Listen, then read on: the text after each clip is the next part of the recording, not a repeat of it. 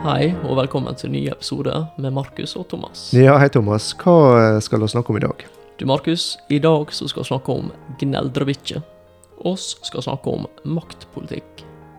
Og så skal vi snakke om hus som gjeng i grus. Kjempeflott. Jeg gleder meg, og dette finner oss i Romerne kapittel 13 vers 8 og ut kapittelet. Nå blir folk uh, overraska, Markus. To uker på rad. Det er helt utrolig. Ja, her sitter vi med god avstand. Det er bare så vidt oss ferdig til nå med alle de restriksjonene som er kommet her. Men uh, det gjenger, og uh, jeg gleder meg til å gå videre i stoffet. Ja, det blir veldig spennende. Jeg tenkte bare jeg skulle ta en Jeg, er litt misfornøyd med, med et tips jeg fikk fra deg, Markus. Oi sann. Ja vel. Og se tilbake på dette med bil nå, da. Oi, oi, oi. Eh, nå, skal ikke, nå skal jeg ikke si noe om eh, eh, jeg venter på leveranse fra. Eh, men Markus fortalte meg at det var, det var en plass jeg kunne kjøpe bildeler. Der. Det kom bare et par dager etterpå. Får håpe det er bedre med de rådene jeg gir ut fra Bibelen, enn det som har med biler å gjøre. da. Det håper jeg. Nei da, delene kommer, på, kommer i morgen, så da får jeg skru. Det er Korona vet jo alt går seinere. Ja, det er veldig kjekt å finne ut at det du skal få, som du trodde var i Norge, blir sendt fra Italia. Det føles trygt. Det føles trygt. Du får dynke deg antibac. Spørs det. Brennebokser. Ja da. Nei, det var dårlig gjort å vippe deg av pinnen med anklager anklage deg for dårlige Ja, Ja, nå er jeg helt Ja, vippa pinne. ja, det- Så det vi skal videre i Romerne 13. Det skal oss. Og i dag skal oss eh, gjøre ferdig kapittel eh, 13. eh, Og da begynner vi på vers 8. Og eh, jeg tenker oss bare lese gjennom det, og så får for å se hvor praten går etterpå. God plan. Yes. Her tar du det, Markus. Vers 8. Bli ingen noe skyldig annet enn det å elske hverandre. For den som elsker sin neste, har oppfylt loven. For disse bud, du skal ikke bryte ekteskapet, du skal ikke slå i hjel, du skal ikke stjele, du skal ikke begjære, og hvilket som helst annet bud, de sammenfattes i dette ord, du skal elske de neste som deg selv. Kjærligheten gjør ikke nesten noe ondt. Derfor er kjærlighetens eh, lovens oppfyllelse. Og dette må vi gjøre da vi kjenner tiden, at timen er inne, da vi må våkne opp av søvne, for frelsen er oss nærmere nå enn da vi kom til troen. Det lir med natten, det stunder til dag, la oss derfor avlegge mørkets gjerninger, men ifør oss lysets våpen. La oss være sømmelig som om dagen, ikke i svir og drikk, ikke i utukt og skamløshet, ikke i strid og misunnelse, men ikle dere Herren Jesu, Jesus Kristus, og ha ikke en slik omsorg for kjødet at det vekkes begjær. Jeg må bare si at eh, et av disse versene her, de forvirrer meg som eh, litt yngre enn det er i dag. Hva vers er det, Thomas? Eh, Ti. Eh, kjærligheten gjør ikke nesten noe vondt. Gjør nesten ikke noe vondt. Ja, det var sånn, ja, hva, vondt gjør det? ja da, men eh, nå Nå, nå har jeg skjønt at dette er snakk om nesten, ikke Nesten. nesten. Ja. Språklige forvirringer. Ja, men eh, forrige gang så snakka vi litt om styresmaktene, og det var akkurat da hun Erna Solberg hadde trakka litt i eh, salaten, så det var kanskje litt eh, aktuelt. Og eh, nå skal vi gå litt eh, videre, og skal så vidt, ja, kanskje mer enn så vidt, og skal litt innom Daniel igjen også. Ja, Daniel er grei å ta med seg, i hvert fall når det er snakk om ja, hvordan vandre i et eh, samfunn som kanskje ikke helt har samme tankesett og verdisettet som, som oss er. Um, bare et lite forsvar for Erna. Nå, eh, nå er hun tenkt å ikke drakke salaten. Så selv om kongen og kronprinsen og ca. halve Stortinget skal på hytta, så velger hun ikke far til Bergen. Ja. Nei, jeg kan godt forstå det. Eh, det jeg misunner ikke noen å være statsminister. Ikke heller. Men eh, her ser vi det, da, at eh, ja, du skal rett og slett betale det du skylder. Det handler om Guds vilje eh, i praksis. Du skal, eh, du skal overholde dine forpliktelser. Du skal ikke begå kontraktsbrudd. Altså det Det, er liksom hva det, det kan, For enkelte kan det høres ut som selvfølgelighet, og for andre er det kanskje litt overraskende at Gud bryr seg om dette. Men eh, igjen så eh, tenker jeg at eh, det er viktig i forhold til å speile Guds karakter. Fordi han er trufast. Og når han sier noe, da skjer det. Og vi oss skal eh, det, det er ikke så lett, men vi skal være til å stole på, rett og slett. Ja, det er helt tydelig at det, det legges vekt på her. Og, og det, det er på en måte noe som kanskje burde Du er litt bak øra, når fristelsene kommer til kanskje å slippe litt billig unna, så, så kanskje burde det begynne å klø litt bak øra. Så kunne vi tenke over hva det var vi burde stå for. Det Men det er noe vi aldri blir ferdig med å nedbetale. Helt klart. Også det at det sammenfattes i dette ordet. Du skal elske det neste som deg selv. Og det står i åtte at det blir ikke noen noe skyldig annet enn å elske hverandre. Mm. Um, for den som elsker sin neste, er oppfylt lova. Så da kan vi vel konkludere med at kjærlighet er kjærlighet, Markus.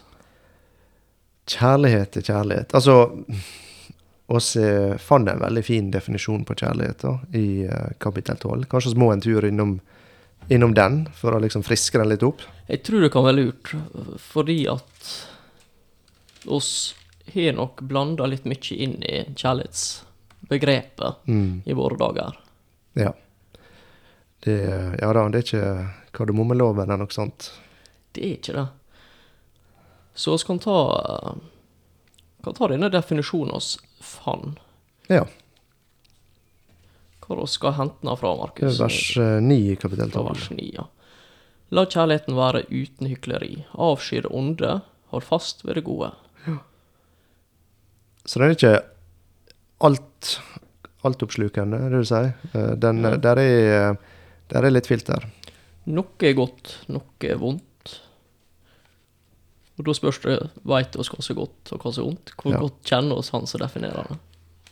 Og det, egentlig så tror jeg de fleste, hvis jeg tenker seg litt om Altså du Si hvis han snakker om vennskap, da. Altså du, du, du kan på en måte evaluere litt et vennskap på uh, om du kan si fra om noe som er litt vanskelig til en venn, uten at går utover relasjonen, utover vennskapet. At dere er så trygge på hverandre.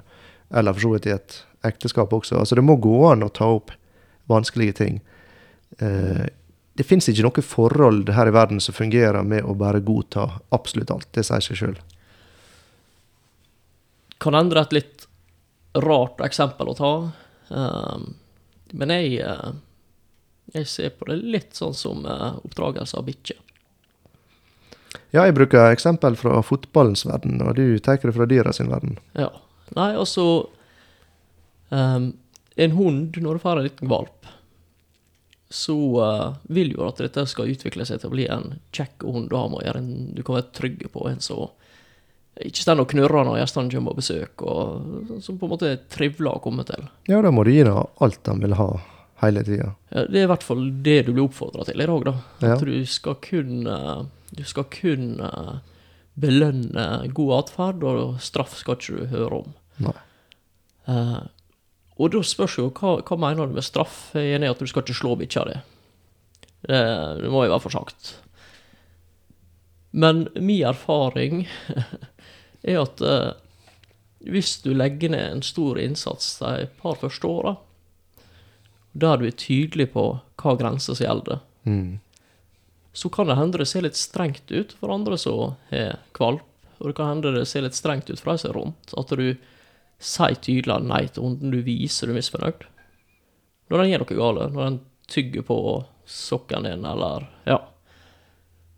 Eh, og så belønner du skikkelig når den gjør noe du vil den skal gjøre. Da, etter to-tre år, så har du en hund som er helt fantastisk. Og så kommer folk bort til deg og så Å, så heldig du har vært. Men hvis du gir dem alt de vil ha, og du ikke gir dem straff, så får du en kvalp som er vant på å få vilja si, som er vant på å få gjøre det den vil. som Mm. blir en voksen hund, som er vant på å få vilja si, for vant med å gjøre det den vil. Og du får rett og slett beklager å si det, skikkelig skikkelig drittbikkje. Da har du det gående. Og eh, klart å elske nesten Altså hvis han sier 'elsker naboen', da, og eh, så sier det seg sjøl at du, hvis du virkelig er glad i noen, så eh, ønsker du å si fra. Altså hvis jeg ser naboen Ok, et enkelt eksempel. Men han fyller diesel på bensinbilen sin. Skal jeg si kjempegreier, ikke sant? Eller skal jeg si hei, nå gjør du noe feil? Dette vil føre til eh, mye problem. Framtidige problem. Så det, det, kjærligheten eh, den, det, det må bare være sånn at den eh, elsker det gode, men den forkaster det onde. Og det, og, og, og det Paulus sier her, det er egentlig at hvis du forstår dette her, så kan du egentlig det trenger ikke lova lenger. For da følger du dette prinsippet her, så vil du oppfylle hele lova. Og det er det som er Det er dermed du kan si at eh, derfor er kjærligheten lovens oppfyllelse. Mm. Eh, ikke fordi at eh, lova ikke er god, og ikke fordi at lova ikke er rett, men fordi at eh, dette er nøkkelen til å oppfylle lova. Mm. Og det er klart, det, det er på en måte veldig enkelt, men samtidig veldig vanskelig. Du kunne, kunne sagt det nå når det er koronasmitte, at uh, kunne sagt alle skal bare unngå smitte. Eh, ikke sant? Så, så, men men, eh, men så, så må du Så blir det for vanskelig, og så må du ha masse regler. Og nå er det blitt så mye regler at folk begynner å gi opp på en måte å huske og forstå eh, disse her reglene. Og, og sånn var det med Moselov også. Den ble ekstremt eh, detaljert. Og det ble Folk brukte hele livet på å sitte og spekulere over detaljer i Moselova. Så får du da eh, veldig sjokkerende, i hvert fall for en jøde, å, å, å, å høre noe sånt. At det å elske sin neste, det er oppfyllelsen av lova. Så det er en enorm frihet. Samtidig så er det umenneskelig. Og for oss er ikke i bunn og i grunn gode. Vi trenger Den hellige ånds hjelp. Og da, det er det vi er inne på her. Det er å vandre eh, i ånden, vandre i Guds vilje. Da skal dette prinsippet være noe som eh, kjennetegner oss. At vi elsker eh, vår neste. Og det, det er også interessant om oss å se at det er ikke den som elsker Gud, er oppfylt lova. Nei, det er sin neste. Og uh, disiplene spør jo hvem er min neste. Ja. Og det Da fikk de en hel fortelling. Da fikk de hel fortelling, Det trenger ikke oss ta nå. Nei, Men saken er at den neste er ikke den jeg velger meg sjøl. nei, det er ikke det. Det er den som er rundt meg. Det er ikke den du er kjemi med.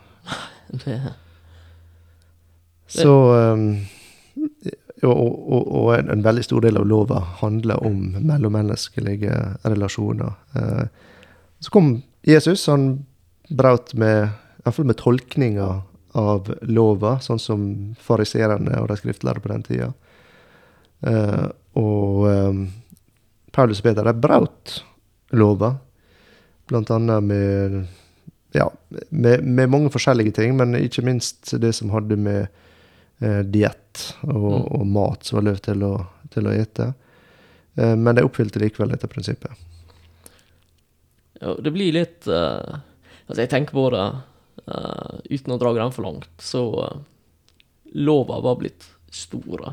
Sant? Du hadde Moslova, og så hadde du noen tilleggslover, og så hadde du hadde de sittet og studert på dette, og så ja, men dette må tolkes sånn, og så har de lagt til ekstra lov, ekstra lov, ekstra lov. Det blir litt sånn som at i dag med korona så har oss tiltakene som er og, Ja, det, det som er lovfesta, det som du kan bli straffeforholdt på, og så har du ca. dobbel mengde med ting som er anbefalt, og så sitter folk og klør seg i hodet og bare Ja, men eh, Må jeg følge dette? Det er bare anbefaling. Ja, og ja, hva er anbefaling, hva er påbud? Eh, hva er Du kan sette eh, to grupper i samme lokale. Eh, like mange personer. Ene er ulovlig, andre er lovlig. Altså, og det, dette er litt av problemet med religion, eller det som oss av og til snakker om som loviskhet. At det blir fryktelig innfløkt. Eh, og, og Paulus tar oss veldig ut ifra dette. Men egentlig Det Så som ser oss- kapittel, kanskje. i det, i det kapittelet så blir dette fantastisk flott eh, belyst. da, Så vi en heller komme tilbake til eh, dette prinsippet.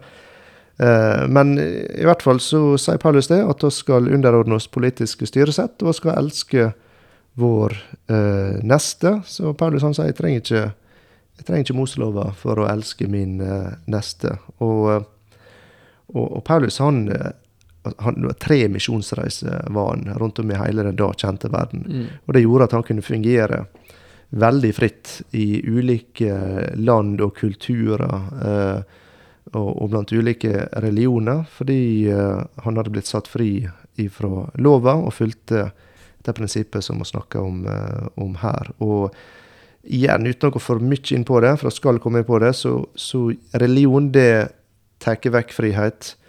Relasjon, eh, det å vandre i ånden, det, det gir oss, eh, det gir oss eh, frihet. Nå bygger vi opp veldig forventninger til kapittel 14. Ja, det, er bra. Det er fantastisk. Altså, jeg, jeg gleder meg virkelig. Og det er for meg personlig et kapittel som har betydd Det betydd veldig mye. Da blir det desto mer spennende å snakke om det. Og skal ikke drage parallellen til han Daniel nå. Jeg syns du løvde noe om det. Ja, vi gjorde det. Og han eh, eh, skal ta inn Eller skal gå inn i en situasjon i livet vårt der det var eh, krise. Og det var egentlig kongen som hadde kommet med et krav som var helt umenneskelig, kan bruke det uttrykket. Eh, han hadde hatt en drøm. Og så kaller han sammen vismennene og sier nå skal ikke bare tyde, tyde drømmen, men nå skal dere fortelle meg hva jeg har drømt. Men det var lurt, fordi at uh, det hadde gått opp et lys for han. Det var at Hvis jeg forteller drømmen til denne gjengen, Mm. så kommer jeg til å dikte opp et svar. Derfor må jeg ha det til å fortelle meg drømmen, for da vet jeg at det er sant det de svarer. Ja. Men dette klarer de selvfølgelig ikke. Nei. Og dermed så sier uh, kongen at uh, OK, da tar vi livet av dere og familien deres. Og jeg husker ikke helt beskrivelsen, men det i grus. ja, i grus, og det var ganske omfattende Ja. Eh, straffereaksjoner. Mer enn uh, ei Utslette bot. dem, rett og Ja. slett. Ettermelder alt. Og da er det høvdingen for uh, livvakta til kongen, den Ariok, som eh, Han hadde sett hvor sint kongen ble. Og når sånne konger på den tida ble sint, da var det bare å sprenge og gjøre alt de befalte. Og Ariok han fikk eh, oppdraget å utføre denne straffa. Eh, og det tenker jeg han var veldig ivrig på å få gjort, for å unngå å, å irritere kongen. Uh, for når kongene var sinte, så trilla hodet både her og der. Uh, men Daniel og vennene hans de var også blant disse her såkalte vismennene, så de hadde egentlig fått dødsdommen, de også. Ja, for det gjaldt jo alle. Ja. Trollmenn og vismenn og i det hele tatt. Så da kommer altså Ariok til Daniel, og nå, nå skal han eh, ja, bare høre. Han var ikke med, tydeligvis ikke med i Altså Han var langt nede i hierarkiet og var ikke med på, på dette møtet der kongen eh, så, så han fikk høre om det fra, fra Ariok. Uh, og, og jeg tenker nok han hadde sitt fulle hyre med å roe ned Ariok til å forstå hva som eh, skjedde her. Og, uh, og igjen så ser vi det at eh, Daniel han, han, eh, han, han klarer å roe ned Ariok. Han, bruker noen kloke og forstandige ord.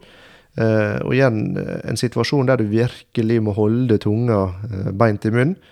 Eh, og, og ser igjen at Daniel han var en som folk eh, lytta til. Og det, det sier veldig mye om, om Daniel. Og så det i, i det oss i, i forrige podkast også, når han var helt ung Mm. og, og ba om, eh, om, eh, om at uh, kongens retningslinjer måtte endres for sin del. Han gjorde det på en måte som uh, vakte tillit. Og så kan du si måten han Daniel håndterer dette altså, ja, ok, Han snakker med Ariok, uh, og han får vite hva som har skjedd. Han var ikke på dette møtet, ganske tydelig, som du sier. Mm. Eh, så vi kan tenke oss at han kunne snike seg unna. Ja, Det er ikke helt umulig. Hvis han er så lavt nede i systemet, så kan Ja. det hende at han kunne snike seg unna. Men i stedet så gjenger han inn og ber kongen om å få en frist på å fortelle denne drømmen og tyde det. ja men igjen så, så var nok det noe som var en risiko for Ariok. Eh, med en irritabel og sint eh, konge som var ute etter hevn. Eh, jeg syns det er veldig fint i den fortellinga også, hvordan Daniel ber disse tre vennene om å, å be for han. Altså de Mm. samles i bønn. Uh, og det, det viser litt av, av det, det vennskapet som var i, imellom dem. Og, eh, Og, og tillit til Gud. ja. ja. Og så Og- får de svar. Ja. Eller Daniel, da. Stender det, da ble hemmeligheten åpenbart for Daniel i et syn om natten. Mm. Og så blir det en lovsang fra Daniel til, til Gud, før han da bringer dette videre. Ja. Og nå, nå er Daniel Nå er han tidenes mulighet. Det er han. Han, Rent politisk. nå kan han kvitte seg med all motstand. Ja, han kan det. Det, det, det har slått meg flere ganger, altså. Han, Hvis han tenkte litt strategisk i denne situasjonen, her, så kunne han altså ja, rydde vekk alle motstandere og steget fram som den eh, store og mektige personen. Og enhver person med litt eh, teft, eh, maktpolitisk teft, ville nok ha benytta seg eh, av, av noe sånt. ja, altså, han kunne til og med, uten å lyge, Ja. så kunne han gått inn og så kunne han sagt ja, nå har jeg funnet ut hva drømmen din var, og jeg kan tyde den. Mm. Eh, og det, det er ikke noen som skulle tatt ned på det. Nei. Så her kunne han kvitta seg med alle motstandere. Han kunne ha blitt uh, skulle si kongen på haugen. Kunne ikke han, var en konge, men uh, han kunne kommet seg høyt opp og kvitta seg med all motstand uten problem. Og ser at uh, seinere så er det eh, kanskje ikke de samme mennene, kanskje en del av de samme, iallfall de samme posisjonene. De prøvde å rydde Daniel av veien med Ja. lignende taktikker, uten å lykkes, da. Men eh, Daniel, han, eh, han var ikke sånn. Altså, og, og det som er interessant med Daniel, er at vi har sett hans holdning overfor styresmaktene, og nå får vi se hans holdning overfor sin neste eh, og sine overordna. For eh, ja, hva er det han, eh, hva han gjør her, eh, Thomas, egentlig? Han gjenger inn for kongen. Og Altså, ikke bare det, han, går ut av Ariok, som uh, da i uh, all hast fører han inn for kongen. Mm. Og så sier han jeg har funnet han Ariok sier, jeg har funnet en mann blant de bortførte fra Juda som, skal, som vil kunngjøre betydninga for kongen. Og så, så, så han blir presentert, så er det som at her er mannen. Her, her er han som, eh, som er svaret på dine problem. Uh, og eh, igjen eh, så er det interessant når Daniel presenterer dette. Han kunne, om han ikke utrydder Altså, det han egentlig gjør, det er at han berger livet til sine mm, konkurrenter, for å si det sånn. Eh, og så eh, tar han heller ikke den muligheten til å liksom eh, framheve seg sjøl og hvor fantastisk eh, en, en fyr han er. Nei, for, for, for det, han, det han sier Den hemmeligheten som kongen har spurt om, det makter ingen vismenn, ingen åndemaler, ikke spåmenn, ikke tegntyder å kunne gjøre for kongen. Og så kunne han sagt Men jeg. Han gjør ikke det. Han sier det. I'm the man. Men han sier, men det er en gud i himmelen som åpenbarer hemmeligheter. Han har kunngjort kong Nebukadnesar hva som skal skje i de siste dager. Dette er drømmen og synene du hadde i ditt indre mens du hvilte på ditt leie. Og så forteller han det. Ja. Så her på en måte han Ja, han sløser enhver sjanse til å hevde seg sjøl. Han sier i prinsippet at ja, det er ikke noe menneske som har vært dette, og ikke jeg heller. ja. Og så Men det er en gud som kanskje du vil lytte til. ja, og, og jeg syns måten han presenterer Gud på her, Mm. det, den liker jeg. Han sa ikke dette Han, han slår ikke i bordet og sier at Men Gud, Nei. den eneste sanne Gud, han har åpenbara. Han lar vel egentlig Gud tale for seg sjøl, og fakta tale for seg sjøl. Ja. Ja. Uten å manipulere situasjonen i det hele tatt. Det er så nydelig å se. Ja. Og så ser vi her at han eh, eh, Han tolererte ikke bare sin neste, men han, eh, han elska sin neste sjøl. Og, og så det tidligere i Romerbrevet også, at vi skal elske våre fiender. Eh, så Paulus eh, er egentlig et, et flott eksempel på en som eh, der, jeg ser kjennetegner på en som vandrer i Guds vilje, er veldig tydelig i, i livet hans. Det, det begynner å påvirke folk rundt får, folk får se og oppleve kjærligheten. De får oppleve at han ikke er, er hevngjerrig. Eh, og de får oppleve at han eh, respekterer eh, styresmaktene. Og, og, og det er til og med folk som er villige, sånn som Arjok, til å ta en risiko. Altså det å komme dragende Hvis Arjok kom nå med Daniel, han var fremdeles en ungdom, framfor kongen, og dette ikke funka, altså at han ikke klarte det, så hadde nok Arjok stilt ganske tynt. Uh, lei tynt an. Uh, Ja, da nok. Du, du sa eh, Paulus, men du mente Daniel her. Sa jeg Paulus? sånn til lytterne. Ja. Ja. uh, ja, nei, altså Det kunne stått veldig dårlig til for Ariok. Han tok en kjempesjanse. Mm. Ja. Det tror jeg handler om måten han Daniel Ja. håndterte han på. Og Daniel, han, eh, han ble brukt av Gud i store verdensrike. Og det var ikke gjennom opprør, men gjennom å respektere Mm. og ære sin styresmakt uten å gå på akkord med sannheten. Og ser også at han elsker sin, eh, sin eh, neste. Ja, så det var, det var litt om Daniel. Eh, oss eh, må ta litt tid til de siste versene eh, også. Og det, det er vel egentlig en utfrielse det er snakk om her. Altså at oss eh, Paulus han snakker om livet her, og hvordan vi skal vandre, og hva, hva, er Guds vilje i, i livet vårt. Men det er, ikke, det, det er ikke dette livet her som er det, på en måte det endelige målet heller. Selv om det er viktig, og ser at det er viktig for Gud, til og med hvordan vi betaler skatten er viktig uh, for Gud, så får vi her et lite blikk uh, inn at uh, det er ikke dette her som er det endelige målet. Nei, der er noe som kommer. Eh, og jeg har drøyet fram et vers i tide og utide, og jeg tar det igjen. 2. Korinterbrev 4, Mm. 18. For vi har ikke det eh, synlige for øyet, men det usynlige. For det synlige varer en kort stund, det usynlige er evig. Og her er det også at uh, frelseren vår, han, han kommer. Han gjør det, og det, og det, det er klart Han snakka om myndigheter her, og det er ikke alltid like lett å fungere i, i samfunnet. Det kan være vanskelig. altså Tenk på de som hadde Nero som keiser, så var det helt forferdelig. Eh, og, og så er det likevel viktig og, og en av grunnene til at jeg tror Paulus kan være så frimodig med å si at vi skal underordne oss øvrighetene, det er at dette her er ikke det er ikke liksom det, det, det, Hva skal jeg si? Det var et sånt eh, rart ord jeg brukte før om Var det bussendeholdeplass eller noe sånt? Altså, dette her er ikke den eh, the final destination. Eh, det er ikke det. Så om ting ikke er helt fullkomment her, så vil det en dag bli satt i rette Altså, det, det blir en utfrielse, for å si det sånn. Det blir det. Og det, i hvert fall for de som levde under Nero, så var nok det en enorm eh, trøst. Det å vite at statsborgerskapet deres og vårt, det er i, eh, i himmelen. Så det er kanskje ikke så nøye hva politiske prioriteringer som blir, blir gjort.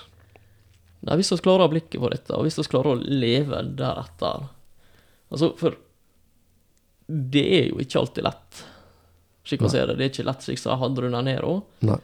Eh, men det som er lett for oss, det er å bli så prega av det synlige. Mm. At oss blir dratt med i strømmen, oss er på hamsterhjulet, oss lever livet vårt som alle andre. oss ofrer ikke så mye tanke, tid, energi på det usynlige. Mm. Fordi at uh, det er så fjernt for oss. Ja.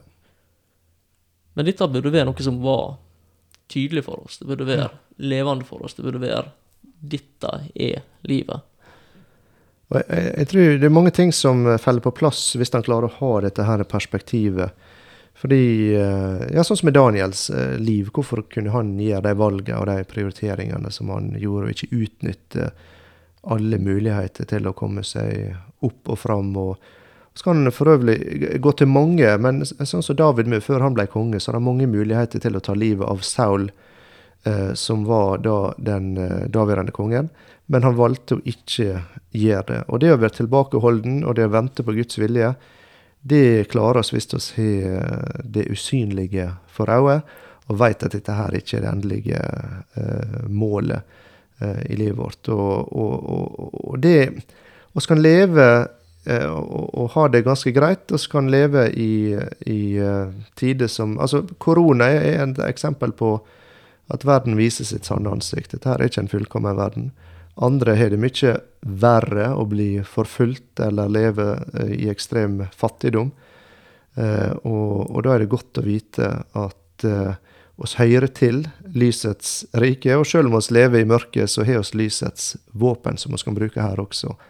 Og det handler om å overvinne det onde med det gode. Og det, det ser oss bl.a. I, igjen i, i Daniel sitt liv. Altså han overvant det onde med, eh, med det gode. Og det eh, i, i, i, vers 12 så, så får oss denne formaninga om å iføre oss lysets våpen. Så kan du tenke deg, du, du, du er i et mørke, men så er det noen våpen som blir lagt merke til. Ikke fordi de er destruktive, men fordi det handler om eh, kjærlighet og lys. Ja, det er um, Jeg ser oss har notert oss noen bibelvers om uh, disse våpnene. Skal vi ta en tur? Ja, skal slå opp uh, hvert sitt. Det er to uh, vers i andre Korinterbrev. Ett i kapittel 6 og vers 7. Kan du ta det, da? Og så kan jeg ta ett i kapittel 10 og vers 4. Ved sannhetens ord ved Guds kraft, med rettferdsvåpen på høyre og venstre side. Sånn og i 10.4 står det for våre våpen er ikke kjødelige, men de er mektige for Gud til å bryte ned festningsverker idet vi river ned tankebygninger, og enhver høyde som reiser seg mot kunnskapen om Gud, og tar enhver tanke til fange under lydigheten mot Kristus. Og ser igjen at det ikke er destruktive våpen, men det er våpen som gjenger på egentlig tanker som er prega av løgn og ondskap, og som er, er destruktive. Og i Efeserne er det vel så snakker han om tror jeg, fulle rystning. Mm, ja. og, og, den også er nettopp det samme. Så, og dette er våpen som gjør at vi kan nå mye lenger enn med verden sine våpen. Og, og så snakker man om å vandre i tru, og dette, dette er noe må gjøre i tru. For det er det er så fristende å bruke verdens sine våpen, hva det nå enn er. Sånn som uh, igjen uh, Daniel, hvor han kunne brukt verdens sin taktikk, verdens sin kløkt. Men han valgte å bruke lysets våpen. Jeg tenker på denne gangen i, uh, når han er i ødemarka oppi ei høle, og Saul gjenger inn der. Med David, ja. Ja, ja. ja David, beklager. Ja. ja. Men David, og der han Der og da så kunne han kvitte seg med problemet sitt. Ja. Han kunne høgne Saul. Han var mm. ikke i noen situasjon der han kunne forsvare seg. Mm. Og så ser han bare en flik av kappa hans. Mm.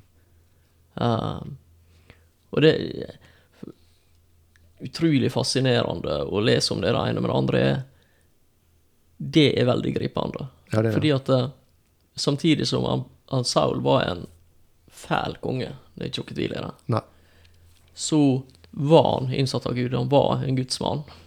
Han begynte bra, men så gikk det bare dårligere og dårligere. dårligere. Og han var innsatt av Gud, ja. ja. Og han Daniel venta på det tidspunktet da Gud David. det, det, er bra det ikke bare er jeg som roter med navnet. Takk, takk, eh, Markus. Nå gjenger det i spinna. Um, Begynn på David, det, begge to. David. Jeg, jeg har et Dette blir by the way. Jeg har et søskenbarn som heter Anders, og en onkel som heter Andreas. Oi. Når jeg skal sende melding til Anders, så havner han som oftest til Andreas.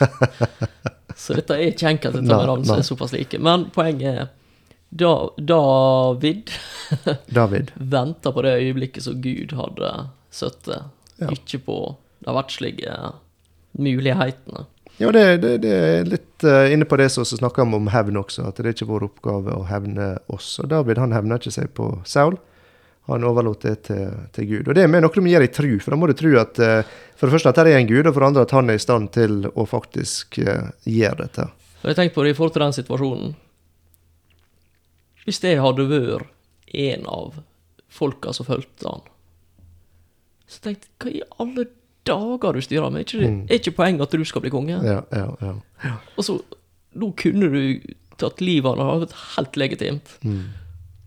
Men så gjør du det på denne måten. Ja. Men det er litt sånn som oss kristne med, altså, å snakke om å, å, å nå verden, og så sette oss og putle på et bedehus mm. eller noe sånt. Altså, det kan virke det kan virke helt meningsløst å synge noen salmer, og hva i alle dager.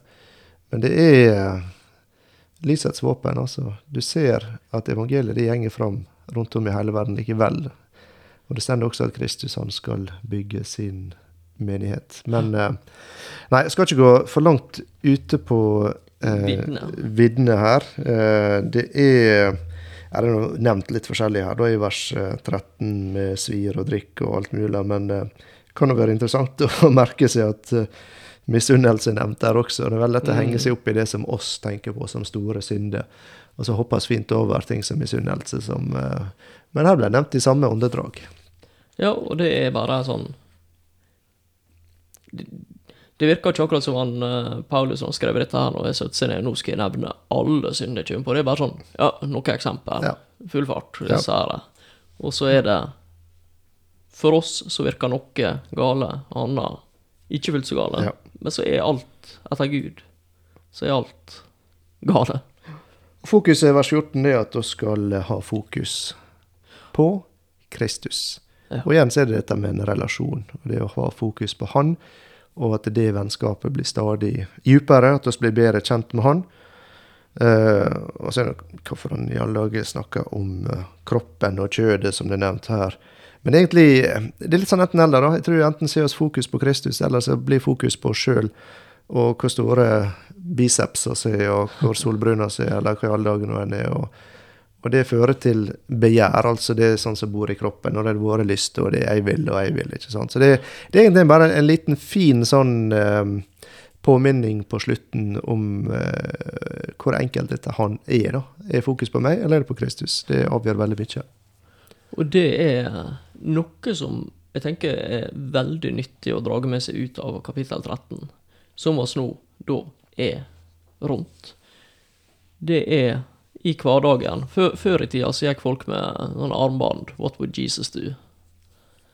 Um, til noen sin fortvilelse, og andre syntes det var bra. Mm. Um, men det er noe med det å stille seg det spørsmålet Hva vil Jesus ha gjort i situasjonen? Og det andre er Har du Jesus med deg i hverdagen?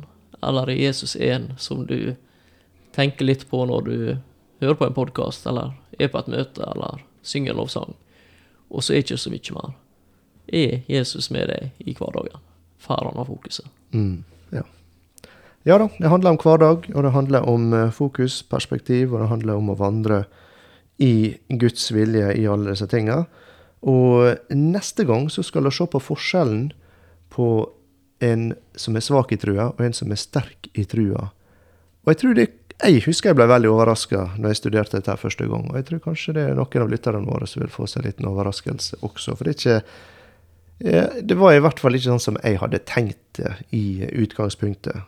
Og eh, jeg skal til og med få se at eh, noe kan være synd for deg, Thomas, og så er det ikke nødvendigvis synd for meg. Så dette blir fryktelig komplisert. Altså For de som ønsker bare en liste over hvordan dette fungerer, så er ikke det sånn i det hele tatt. Så det er veldig, veldig spennende stoff. Eh, du lovte forrige gang, Thomas, at du skulle ha et eh, visst eh, poetisk innslag. Så jeg vet ikke om du klarer å holde det, det løftet. da. Jeg ser du trykker febrilsk på telefonen din, så har du, har du tuna sangstemmer?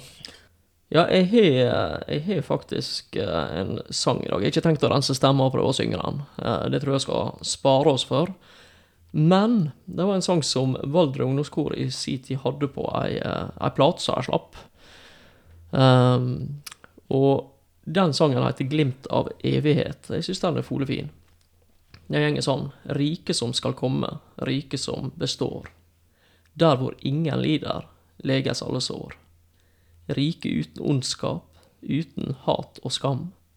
Øye ei for øye, tann ei mer for tann.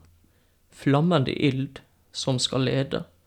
Brennende lys som skal gi håp. Lyset fra ham er til stede. Et glimt av evighet.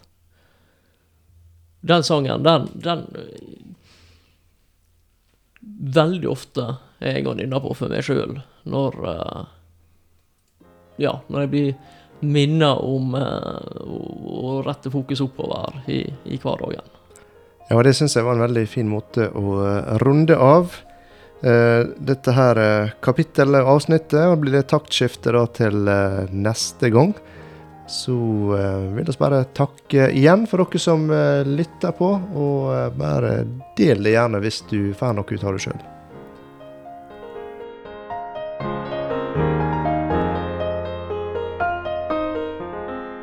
Hvis du kan tenke deg å gi gave til Vigra Indremisjon, kan du gå inn på imfvigra.no, eller gi gave på VIPS 107682 Vigra Indremisjon.